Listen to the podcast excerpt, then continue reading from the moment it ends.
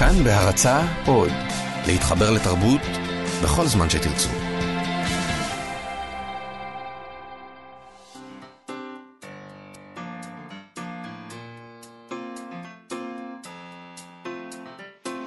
מה שכרוך עם יובל אביבי ומה יעשה לה. שלום, תודה שהצטרפתם והצטרפתן אלינו. אנחנו מה שכרוך, מגזין הספרות היומי של כאן תרבות, אה, כאן מראשון עד רביעי ב-12. אפשר להקשיב לנו ברדיו וברשת, אבל אתם אה, אה, יכולים ומוזמנים גם להוריד את האפליקציה החדשה והחינמית של כאן. ייכנסו לחנות האפליקציות, הורידו את כאן אודי, כאן עוד. תוכלו להאזין לכל, לכל התכנים הכי טובים במקום אחד, באיכות טובה ובשידור חי. תוכלו למצוא שם את כל תוכניות כאן תרבות, הסכתים. מוזיקה, חדשות ועוד. איתנו באולפן עושים את התוכנית שרון לרנר וירבה וקסלר, שלום לכם ושלום מאיה סלע. שלום וברכה יובל. אה, נזכיר גם שאפשר לשלוח מסרונים בטלפון 055-966-3992 ואפשר גם לשלוח אלינו הודעות בעמוד הפייסבוק שלנו, מה שכרוך עם יובל אביבי ומאיה סלע. היום אנחנו נדבר עם הסופר והמתרגם אה, עמנואל פינטו על פסטיבל בלש בעיר, שהוא יזם והפיק יחד עם ניר רצ'קובסקי. והתקיים ביום חמישי בתל אביב. נדבר גם עם צעד הספרים שלנו, אילי גרין, מחנות הספרים המשומשים האחים גרין. אבל אה, נתחיל בדוח של ארגון פן אמריקה. פן זה ארגון סופרים שמתעסק גם בחופש הביטוי. אה, בארגון פן הבינלאומי הם מדברים על קידום ספרות והגנה על חופש הביטוי ברחבי העולם. זה, זו, זו הצהרת כוונות שלהם. אה, בפן העולמי חברים סופרים מ-100 מדינות. זה, זה ארגון מאוד ותיק ומאוד חזק. הוא קיים 90 שנה. לאורך השנים אה, היו חברים בו אנשים אה, סופרים כמו מרגרט אטווד, ג'וזף קונרד, נדין גורדימר, ואצלב האוול, ארתור מילר, טוני מוריסון, הרולד פינטר, סלמן רושדי, אורחן פמוק ועוד. אני מנסה לומר שזה ארגון ש... לא, גם לא שאני, זניחים הסופרים האלה. הם לא זניחים, זה ארגון גדול. אה, כאילו, פשוט מה שאנחנו מכירים בארץ מהדבר הזה שנקרא ארגון סופרים, זה מין זה... דבר קיקיוני בדרך כלל, על פי רוב ולכאורה. לכאורה, לכאורה. אה, ו... לא זה המקרה. ופה מדובר בדבר רציני מאוד, כן. Uh, בכל אופן, הסניף האמריקאי של פן, פן אמריקה, פרסם דוח על מצב חופש הדיבור בסין.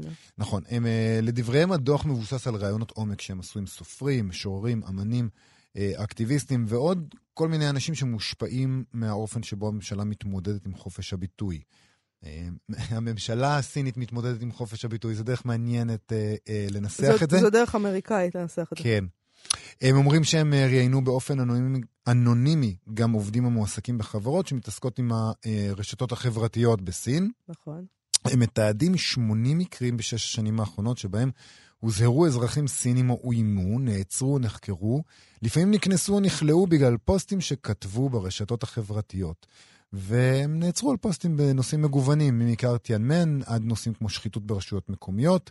אה, ולדבריהם, המקרים האלה מדגימים את האכיפה חסרת הרחמים ואת השליטה של הממשלה במידע ואת האופן שבו אה, מסתכנים אלה שמעזים לבחון את גבולות הצנזורה שם. נכון. הדוח הזה כולל המלצות שים לב, לממשלות סין וארצות הברית, וגם לחברים בקהילה הבינלאומית ולחברות פרטיות של מדיה, שמתעסקות במדיה חברתית.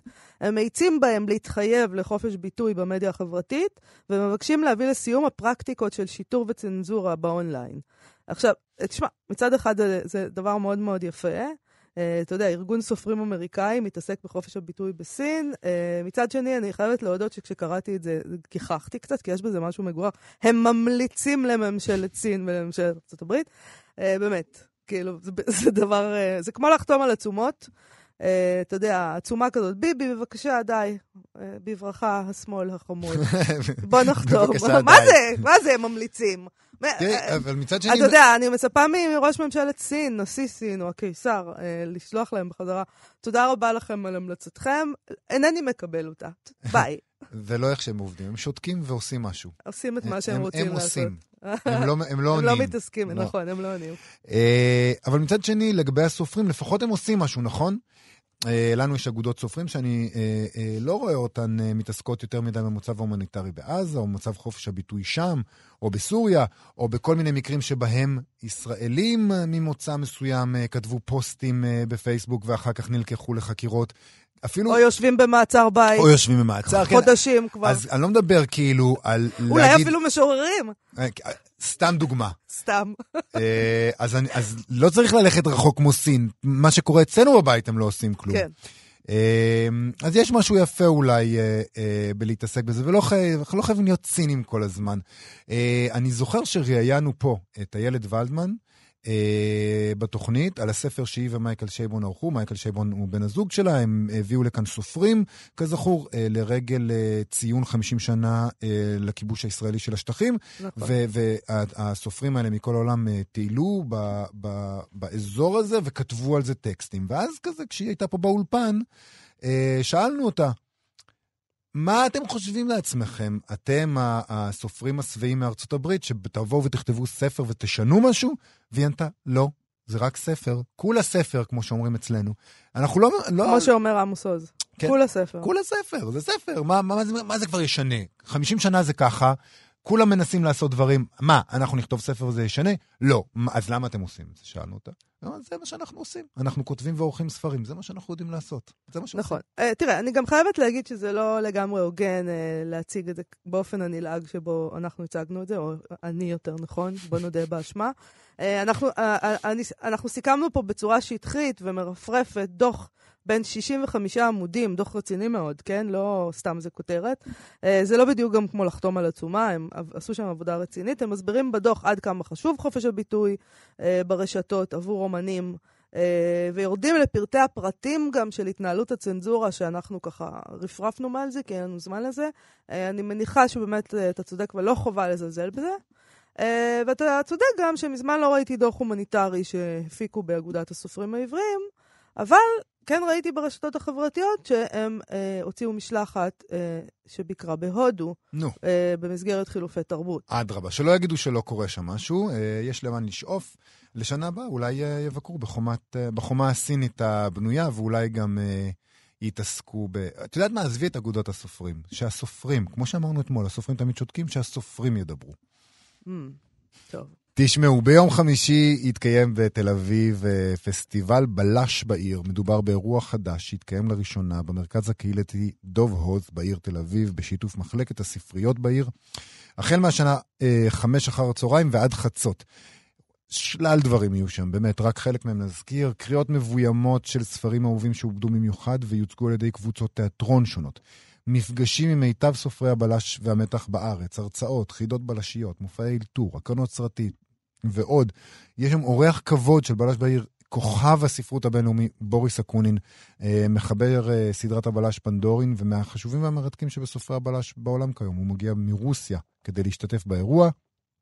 אה, הערב זה נערך ביוזמתם ובניהולם האומנותי של אנשי הספרות והתיאטרון ניר רצ'קובסקי ועמנואל פינטו, שחברו לעיריית תל אביב-יפו, שמפיקה את הערב, בשיתוף, בשיתוף עם רשת צומת ספרים.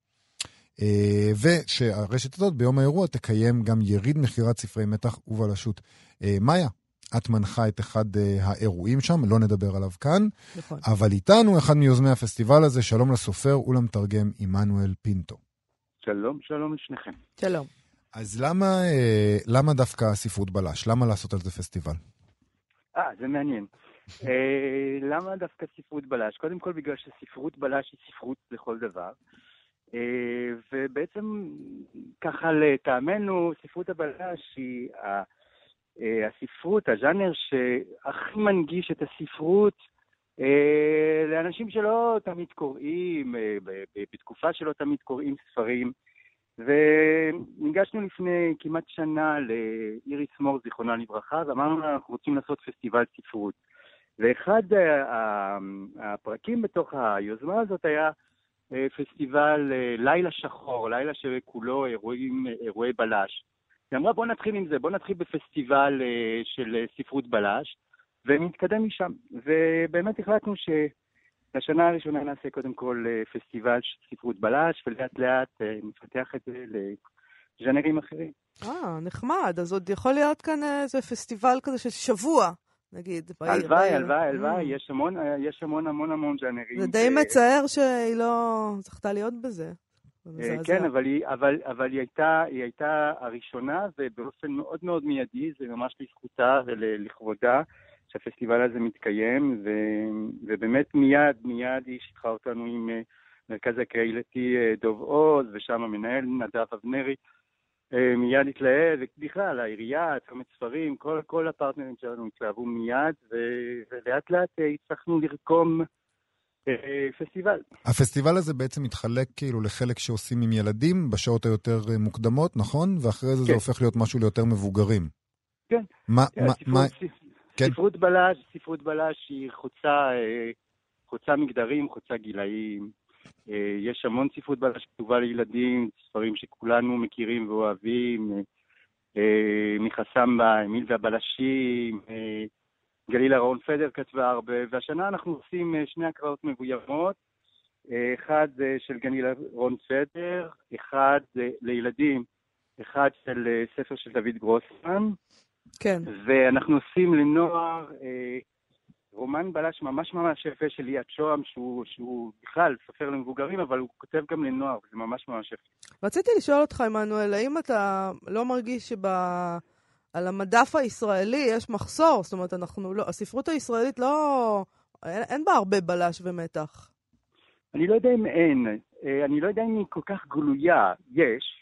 אה, לא אולי לא. קוראים לזה ככה, אתה אומר. אה, כן, אה, ואולי, ואולי פשוט לא, לא מספיק יודעים שיש אנשים שכותבים בלשים טובים, יש המון סופרים נהדרים, בת יגור שאנחנו עושים, שהיא אחת מהחלוצות, אבל אחרים אה, ש, ש, שכותבים ורוצים לכתוב, זה לא ז'אנר קל כל כך, ו, ולעשות בלש טוב, שהוא גם ספרות טובה, ולא בהכרח גבוהה, אבל ספרות טובה, שמחברת בין ספרות לבין אה, תחושת התענוג שאתה קורא ואתה מתחכה אחר העלילה ואחר הניסיון בעצמך לפתור אותה. כן. זה, אה, זה, זה אחד לא דבר הדברים, קל. זה אחד הדברים המעניינים. איך נגיד אתה מבדיל, מה לפי דעתך יש בספרות בלש שהיא גם ספרות גבוהה, ספרות טובה, כמו שאתה מגדיר את זה, לבין ספרות בלש פחות טובה? כלומר, החוקים לגבי זה שונים לגבי ספ... מאשר בספרות לא ז'אנר?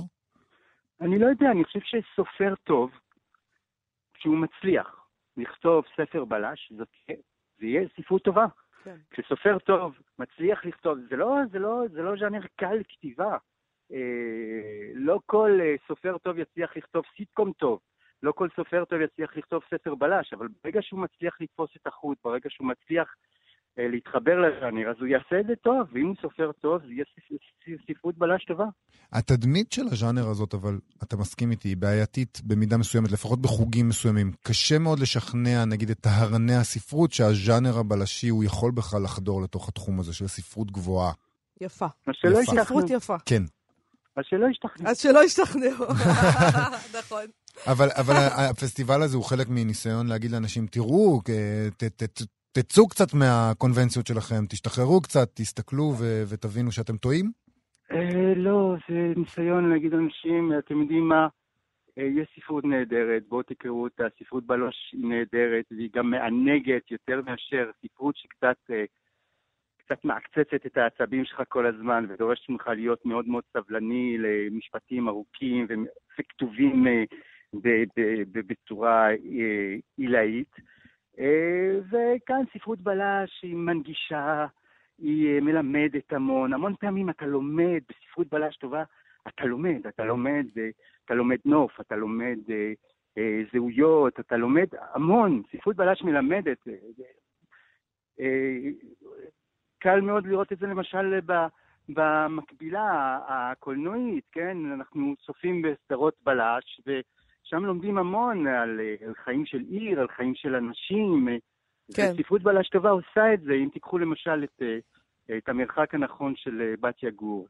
אתה לומד על חיים פנימיים של תזמורות, של חיי נגנים, אתה לומד מושגים במוזיקולוגיה, וזה מאוד מונגש, בגלל שאתה, בגלל שאתה אתה קורא ספר בלש, אתה לא צריך לדעת אה, המון.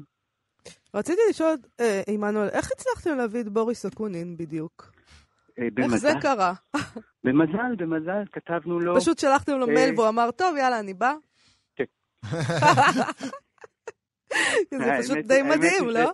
האמת היא שהוצאת הספרים אה, עשתה את ה contact הראשוני, אנחנו העלינו את הרעיון, הם עשו contact ראשוני, ו- ו- והם אמרו כן, והם אמרו כן, ואז כתבנו להם עוד פעם, ואמרנו להם, אתם יודעים, אנחנו ביקשנו מכם לבוא, אתם באמת חושבים שאתם תבואו? כן, אנחנו באים. אה, ואז כתבנו עוד, אה, תשמע, אתה בטוח שאתה בא, כן? כן, כן, אני בא. אז אה, איך הוא ידבר באנגלית, ברוסית, או יהיה תרגום? מה- ילך שם? יהיה קודם כל תיאטרון גשר, יעשה הקראה בימתית אה, מופלאה של שחקנים נהדרים בבימויה של נטשה מנור, שגם תשחק, אוקיי. של נובלה חדשה שיוצאת עכשיו לאור. ואז אה, תהיה שיחה בין המתרגם שלו לבינו, ושיחה עם הקהל באנגלית. אה, באנגלית, אוקיי. תגיד, נשמע שיש לך חיבור נורא אישי לז'אנר הזה. אתה יכול לספר לנו אולי על אה, כמה מהבלשים היותר, אה, שאתה אוהב יותר? אה, תראה, אני בשנת 94 אה, נסעתי לפריז, וחייתי שם כמעט 20 שנה, ולמדתי לקרוא שם ספרות בלש. קראתי בעיקר סימנו, וקראתי הפולר הצרפתי, זה ז'אנר שהוא באמת לא נופל משום ז'אנר אחר. והקריאה היא מאוד מענגת, והיא מאפשרת לך באמת לנסוע בנסיעות ארוכות במטרו, לשבת אה, בבתי קפה עם הספרון הקטן שלך, ולקרוא, לקרוא, לקרוא, לקרוא, לקרוא. זה החיבור הטבעי שלי. כן. אם אני הצלחתי לכתוב בלש, לא. אתה מתכוון, אתה רוצה, אתה מתכוון אני לנסות? הייתי מת, אבל אה, אני לא חושב שיש לי את זה. אבל אה, אמן. אוקיי. תגיד, עכשיו, אה, עכשיו יש נורא פופולרי הז'אנר אה, הבלשי שמגיע מסקנדינביה, שהוא מאוד מאוד שונה מזה הצרפתי לדעתי, הוא מאוד אלים, הוא הרבה יותר, הרבה פחות מעודן. מה דעתך, מה היחס שלך לז'אנר? אני חושב שהוא, שהוא ברוח הזמן, אני לא בטוח שהוא יותר אלים. מהמם. אני חושב שהוא, שהוא ברוח הזמן. אה, הגילוי של הז'אנר ה- ה- הסקנדינבי, קודם כל הוא גילוי נהדר, כן?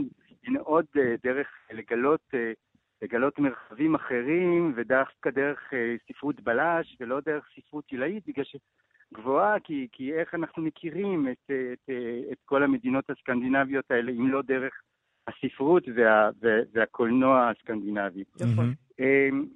אני לא בטוח שהוא יותר אלים. אני חושב שהוא מאוד מורכב. אני חושב שהוא מאוד מאוד... הוא יודע, דרך, דרך האלימות של היום, העכשוויות, הוא מאוד מאוד עכשווי. אה, הוא פחות אה, רומנטי, הוא פחות אה, מתכחש אה, לסביבה שלו ול, ול, ולרוח הזמן. אוקיי. אה, תודה רבה לך, מתרגם יום והסופר חמישי, עמנואל. פינטו. כן, אירועי בלש התקיימו כאמור ביום חמישי בתל אביב, במרכז הקהילתי דוב הוז, מחמש ועד חצות. תודה רבה לך. תודה רבה לכם. להתראות. אוקיי. אה, לפני שנדבר עם אילי גרין, כן, יש לי כאן הודעה כן. בפייסבוק שקיבלנו מירון גולדשטיין שכותב כשמתגעגעים לגיבור של ספר כמו מיכאל אוחיון של בת יגור, יודעים שזה בלש טוב. בהחלט נכון. אה, ועכשיו שלום לאילי גרין מחנות הספרים המשומשים, האחים גרין. אילי גרין. אני איתכם? אהלן. אילי, אה, אני מבינה שהיה לכם אה, שבוע לא קל. וואי וואי, איזה שבוע. ספר, ספר. אוקיי, אז אה, הכל התחיל בתקלה קטנה. אוקיי. הורדנו איזה תוסף מסוים לאתר שלנו, יש לנו אתר שדרכו אנחנו מוכרים ספרים. אה, ובדרך כלל לספרים שאין לנו באתר אפשר להירשם ולהשאיר כתובת מייל, ואז כשהש- כשהספר מגיע לחנות שלנו, הלקוח מקבל הודעה שהספר זמין לרכישה. אוקיי.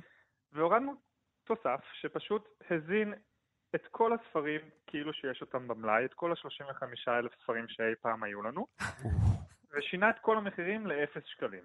אה, נחמד, דווקא זה כן. נחמד. זה זה קצת טוב מבחינת הרוכשים. אוקיי. כן, ומה שקרה זה שזה פשוט שלח 6,700 הודעות לאנשים שהספר שהם חיפשו הגיע וזמין לרכישה. זאת אומרת, כל האנשים האלה שנרשמו לספר שהמספר שלו היה אפס בקטלוג, הוא נכון. הפך להיות אחד פופס, ואז זה מייל אוטומטי. וואו. נכון, עם אפס שקלים. כלומר, הם חשבו שהם הולכים לקבל את הספר חינם. יואו. כן. קיבלתם, כמה טלפונים בטח אה, אחרי זה.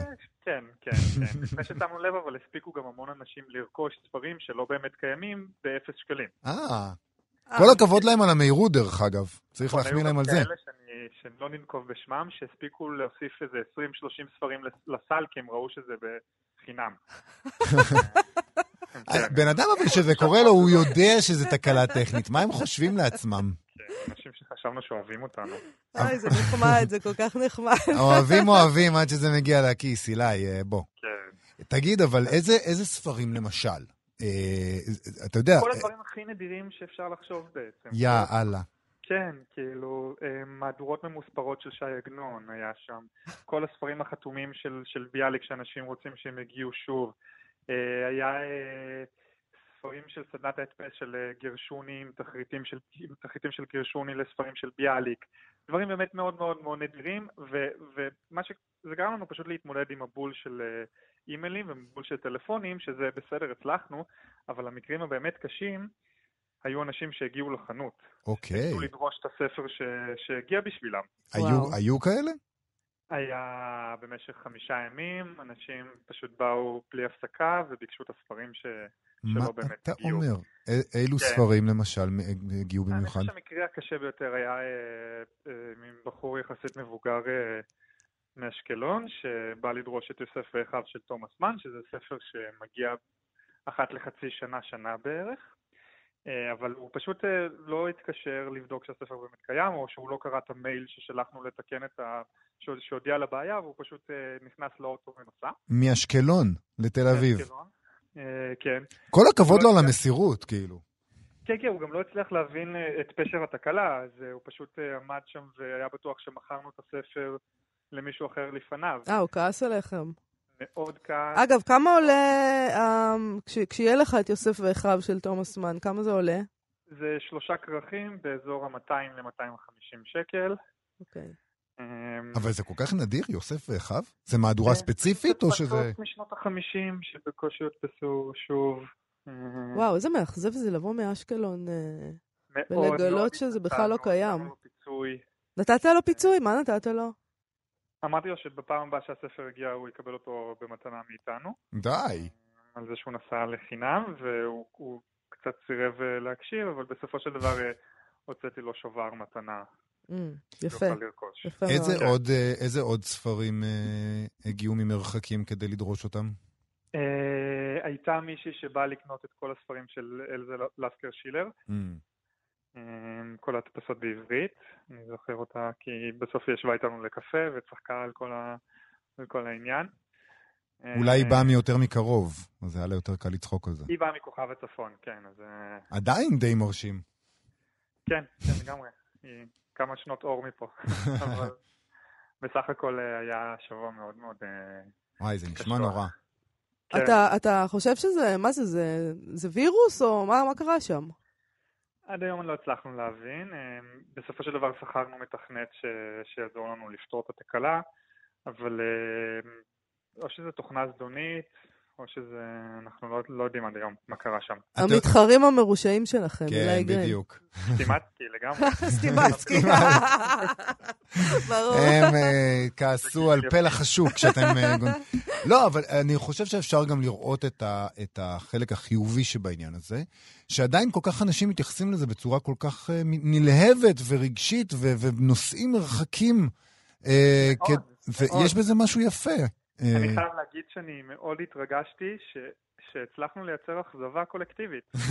באמת, היה בזה משהו שהרגשתי כזה שוואו, העסק שלנו, שהוא בסך הכל עסק משפחתי ויחסית קטן, הצליח לעורר כאלה תגובות. יש לכם פשוט משהו- קהילה גדולה של אנשים שעוקבים אחריכם, כן? זה, כן. ושה, ושהמערכת הממוחשבת שלכם משפיעים בצורה דרמטית על חייהם.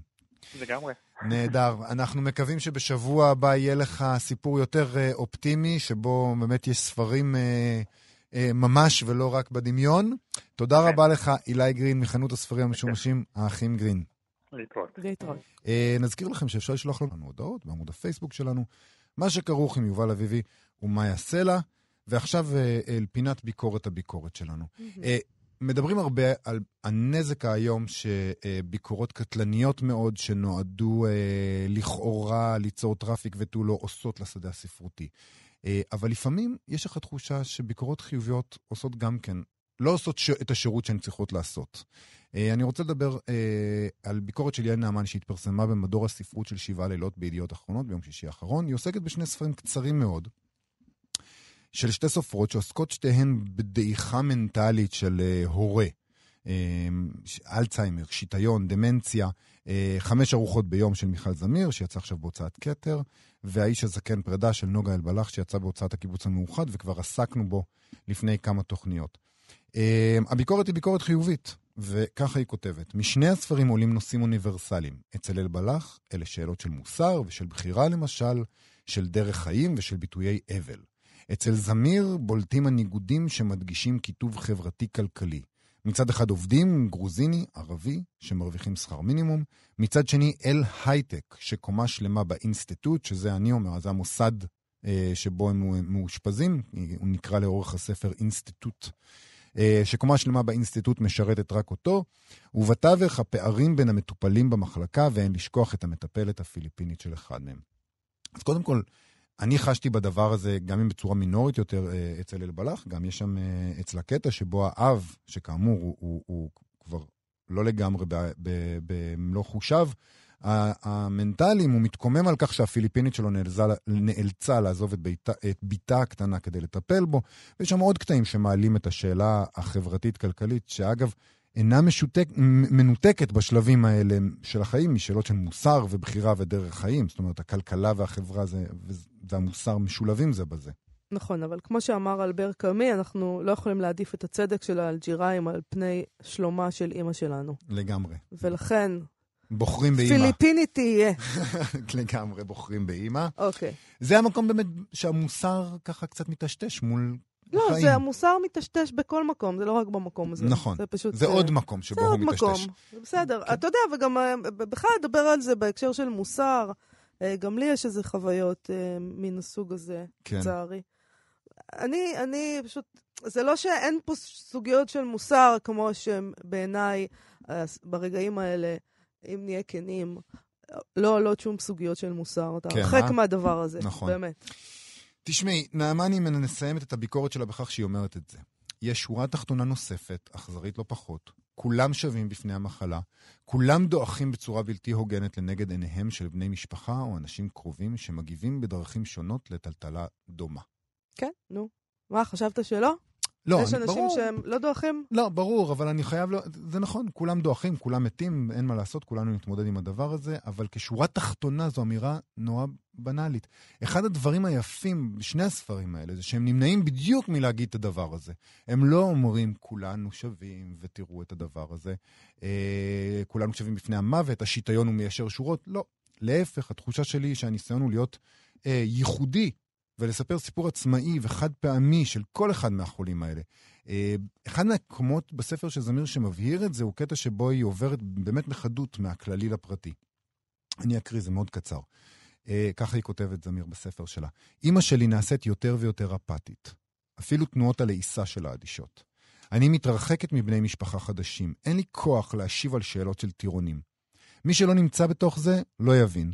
ומי שנמצא בתוך זה כבר לא שואל שאלות. מבחינתנו, הוותיקים, השאלה היחידה היא פצעי לחץ. יש או אין? כי פצעי לחץ זה האוטו-דפה של האינסטיטוט. מי שיש לו פצעי לחץ זה בייסורים, וייסורים זה באמת יותר מדי. צמד המילים פצעי לחץ מעביר בנו חלחלה לאורך על הגוף. אם יושבים כל הזמן במקום אחד, אומרת הפיזיותרפיסטית, זה בלתי נמנע. אימא שלי כבר בקושי הולכת שני צעדים. לפעמים, כשיש לי כוח, אני משדלת אותה לעמוד קצת. אני לא יודעת, מה שאני קוראת כאן, מה שאני שומעת כאן ממה שאתה אומר, זה מקריא, זה קטע שבו היא לא מספרת לא על המוות ולא על השיטיון, אלא על עצמה, mm-hmm.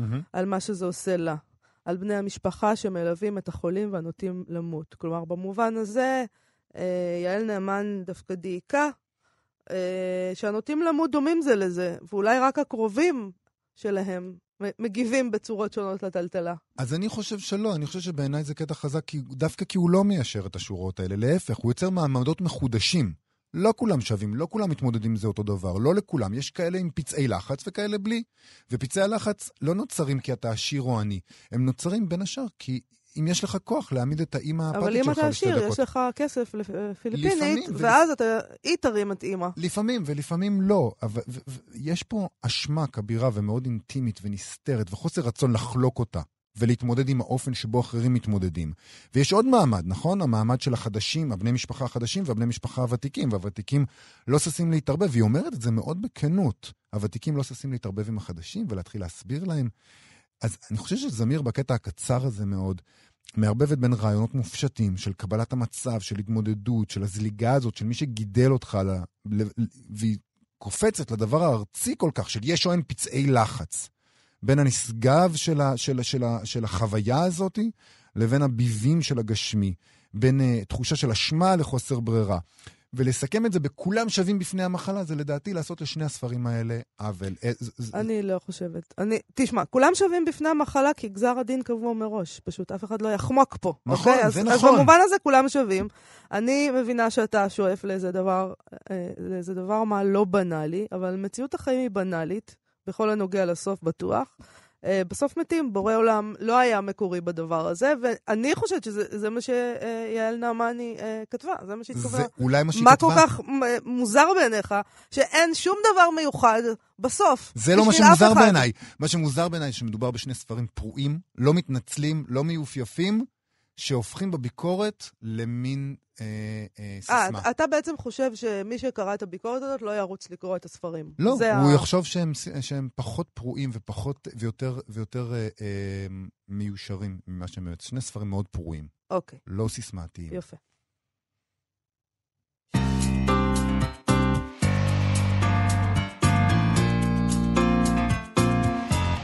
שמענה, אני רוצה להתייחס למדור החדש אה, של המשורר נדב הלפרין, שהוא גם אה, אה, עמית, עמית שלנו בכאן. כן. הוא התחיל לכתוב, הופתעתי לראות שהתפרסם במוסף מוצ"ש של מקור ראשון, טור שהוא טור שנקרא שירה חדשה. נהדר. שזה שיר, שם נהדר ויופי, וגם מצא חן בעיניי מה שהוא כתב, אז החלטתי לחלוק. כן. אה, כך הוא כותב בטור הראשון, אה, שהוקדש לרעיון של הגאולה. באחד מערבי השבוע דהרתי באוטובוס אל עיר הקודש כדי להשתתף בערב מחווה למשורר המנוח ישראל אלירז. לרוב אין דרכם של בני האדם להוליך עצמם מרצון לא- לאירועים הללו. אחדים אוהבים שירה, ומעטים אוהבים לשמוע אותה נקראת בהססנות, מכוסה בתילי תילים של דברנות, ונדחסת להלחנים משונים בנואשות, שבה אשכנזי זועק בליל הסדר, אילו הוציאנו ממצרים ולא סיפק צורכנו במדבר ארבעים שנה עד. אבל במציאות חיינו יש בהתייצבות עיקשת בערב שכזה, מעין בחירת צד. על כן מצאתי את עצמי באולם תיאטרון שנתקבצו אליו כמה אה, עשורים חשודים מיידיים. גברות בגיל העמידה, גברים משכילים ומלבינים, ובני ישיבה עדיני מבע. האמת, היה יפה, אפילו מרגש. השירים מדויקים, הפרשנויות מעניינות, המוזיקה לא נכפתה באלימות על המילים. ובכל זאת, כל זה מכובד ומסודר מדי. אתה רואה, יובל? הוא גם מרגיש שהכל מכובד ומסודר מדי. כן. ורחוק מהפליאה שהניעה את ישראל אלירז לכתוב את ספר השירים ששמו הלא יאמן פשוט ישנו. אחרי שהכל נגמר, נותרתי לשוחח בפינה עם כמה מהמשוררים. אחד מהם, שאך לפני רגע שטח בביטחון מעל הבמה את התיאוריה הפיוטית שלו, הנמיך את קולו ומלמל במבוכה. אני מתחתן. אחרי קרוב לארבעה עשורים בעולם, הוא מצא את שאהבה נפשו. קוראים לה גאולה. נהדר. זה יופי. טקסט מקסים. זה יופי, והשורה התחתונה שלו מאוד, אה, מאוד חמודה, אבל מעבר לזה זה גם תיאור מאוד מדויק של ערבי אה, שירה, שהאמת היא שאני דווקא די מדיר את רגליי מהם, בדיוק מהסיבות שהוא מונה. כשאני מגיע, אני חש בדיוק כמו שהוא מתאר. חוץ מהחלק הזה אה, של העדנה שהוא, שהוא חש שם, אבל אני מוצא חן בעיניי שגם העדנה מדכדכת אותו. בהחלט, אה, בהחלט אה, מזדהה עם העניין הזה. כל הדיון מסודר ומכובד, ואיך בכלל יכול להיות שדיון בשירה יהיה מכובד ומסודר? טוב, אני חושבת שהתיאור של נדב אלפרין בהחלט יפה, אבל כמוהו אני דווקא כן רואה את העדנה. אה, אני חייבת לספר לך שביום חמישי האחרון השתתפתי בערב שכזה של המשורר גלעד מאירי, וגם אני בדרך כלל לא הולכת לערבים כאלה, אה, ודווקא כשישבתי שם בקהל לאורך כל הערב, חשבתי לעצמי שאני דווקא כן צריכה ללכת לאירועים האלה, כי אני פתאום נזכרתי שזה דווקא יפה ושזה מעניין, ושזה בעצם, זה תלוי בזווית, אבל שזה לא- לאו דווקא מסודר ומכובד, אלא שזה צנוע. וצנוע זה דווקא מידה אה, די יפה ושכוחת אל. כן. אולי אנחנו מתבלבלים בהגדרות. כן, זה יכול לקרות.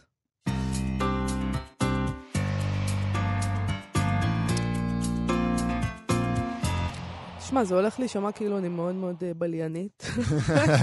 בליינית.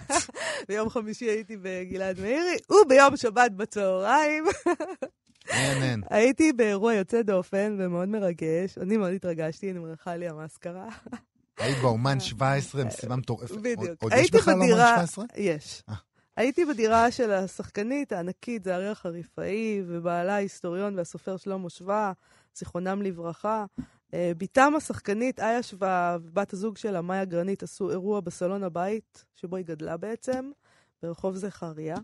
אה, אירוע שעניינו ומרכזו היה הספרייה המדהימה שלהם. אלפי ספרים. היה שם פרופסור דן לאור, שהוא דיבר שם באירוע. מהמם. אה, הוא אמר, עשרת אלפים ספרים, זה יכול להיות אה, אוצרות של ממש, באמת, מדהים. אה, בהזמנה לאירוע כתבה איה שווה שכל אחד יוכל לקחת ספר או שניים למזכרת. די. אה, האמת היא שהיה לי מאוד מאוד קשה לבחור. כל בחירה, באמת, עמדתי מול הספרייה, כל בחירה נראית ממש טיפשית אל מול האושר. מול. השפע, מה אני כן. אקח? כאילו, מה זה הדבר הזה? אה, כואב הלב לחשוב שהספרייה הזאת תתפרק, באמת. כן. אה, בכל אופן, הן מחפשות עכשיו מקום, אוניברסיטה, מכללה, מוזיאון, קיבוץ, לא יודעת, מישהו שיבין שיש פה אוצר וירצה לקחת את זה בשלמותו, לשמר את זה. מישהו שיבין את הערך של הדבר הזה. אה, ו- ועד אז היא עשתה את האירוע הזה. אה, אז איזה ספר לקחת בסופו אוקיי, של אז דבר? אני אגיד לך. אה, זה מה שהבאתי בעצם לפינת גנזים, את הספר שלקחתי לי למזכרת, אה, שנקרא תוכנית בית הספר העממי, הצעת תרבות, מאת נון פינס, בהוצאת אומנות. הוצאת אומנות זה יפה. מוסקבה, תרע"ח, כלומר 1917. אה, אה, נוח פינס, נון אה, פינס זה נוח פינס, כן. אה, זה חזון שיש לו על לימודי בית הספר עוד מלפני שהוא הגיע לכאן. זה אה, אדם שעלה לארץ ב-1919. אה, אה, וכבר אז הוא תכנן את בית הספר. ב-1917 הוא תכנן את בית הספר העממי, הוא מנסה להציע מתווה לבתי ספר עממיים עבריים. אני חייבת להגיד שזה הזכיר לי את השיר של אלי אליהו, על האופן שבו אנחנו חובשים את ילדינו בבתי האסורים האלה של בתי הספר. יש לו הצעה יותר טובה לנוח פינס? אה, לא, זאת ההצעה, זאת ההצעה, אבל תראה איך הוא עובד קשה על ההצעה הזאת, הוא חשב שזאת הצעה נהדרת. אוקיי. אה, הנה מה שהוא כותב, לדוגמה, ככה קצת ציטוטים, כדי שהילד יקבל בבית הספר חינוך עברי, שלם, בלתי פגום, לקוי, צריך לברוא בו אטמוספירה עברית, המתאימה לרוח העם ולהחיים הרוחניים של בית האב. וזו נוצרת רק בהיות השפה השלטת בבית הספר, השפה התרבותית של העם, הלשון העברית, שהייתה מאז ועד עתה בית המקלט לרוחו, ולא הלשון שבאיזה מקום ובאיזה זמן מדבר בה חלק זה או אחר מן העם. אז קודם כל, הלשון שהוא מציע היא עברית, הדברים שבשבילנו הם מובנים כן, מאליהם, זה לא טריוויאלי אז. וזה בכלל לא טריוויאלי. תוכנית הלימודים שהוא מציע, זמן הלימוד שש שנים, יפה, מא' עד ו'. כן. אני סתם לדוגמה, שנת הלימוד הראשונה הוא מציע ללמד את הלשון העברית, באמצעות שיחות, שירים, תרגילי דיבור, אה, ציור כתיבה, כמו שהוא קורא לזה, אתה יודע, לכתוב את האותיות, לצייר אותן. מה שלנו קראו כתיבה תמה או משהו כזה, נכון, נכון? קריאה, כתיבה, תרגילי דקדוק. עוד הוא מציע ללמד תורה, דברי הימים, תפילות, ברכות השחר, ברכות התורה, שלוש ראשונות ב-18, ברכת המזון, קדושה. דברים שהם כבר, אנחנו לא עושים לא, אותם. לא עושים אותם. אבל הנה, אה, אולי למאזין אה, שר החינוך נפתלי בנט, יש פה... או, הנה, אתה. מתחיל עם ההדתה שלך. בשנת הלימודים השלישית, אגב, הוא מציע להתחיל ללמד דינים ומנהגים. דיני ברכות הנהנין ודיני סעודה, דיני ברכות, דיני קריאת שמע, דיני שבת ויום טוב. לדעת קצת. אה, אתה יודע, זה לא רק נפתלי בנט, זה בעצם היה יכול לגרום לנו, נגיד אם, אם אנחנו נחשוב כמו אסף ענברי, להבין יותר טוב את הספרות. לגמרי נכון. ולדעת לכתוב כמו שצריך. לגמרי נכון. אז זה- אוקיי, אה, תראה, אה, הוא נכנס שם לפרטי הפרטים כמובן, גם של מה ללמד וגם של איך ללמד. דבר מרתק, בשנת הלימודים השישית הוא כבר משלב פיזיקה וכימיה. אה, הוא- הוא- אפשר לראות שבעיני רוחו הוא ראה תלמיד שלומד לימודי חול עם לימודי קודש, בלי שום בעיה. כן. גם תפילות והלכות וגם מתמטיקה וביולוגיה.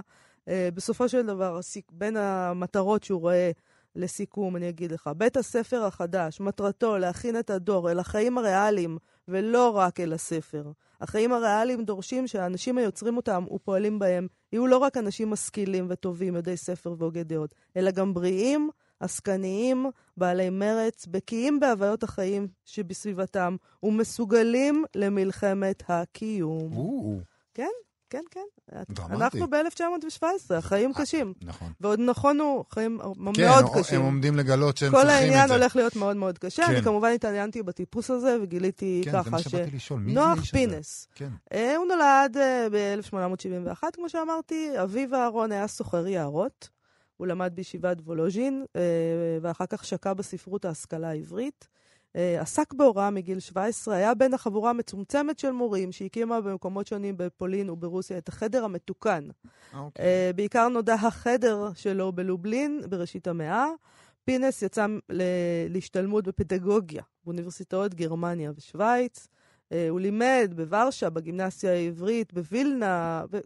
הוא היה מורה. הוא עלה ארצה ב-1919 באונייה רוסלן. זה גם כבוד.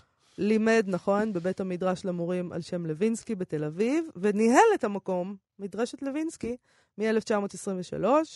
Uh, הוא התחיל בעצם כמשורר, היה בחברת המשוררים uh, בני ילג וראשיתו של ביאליק.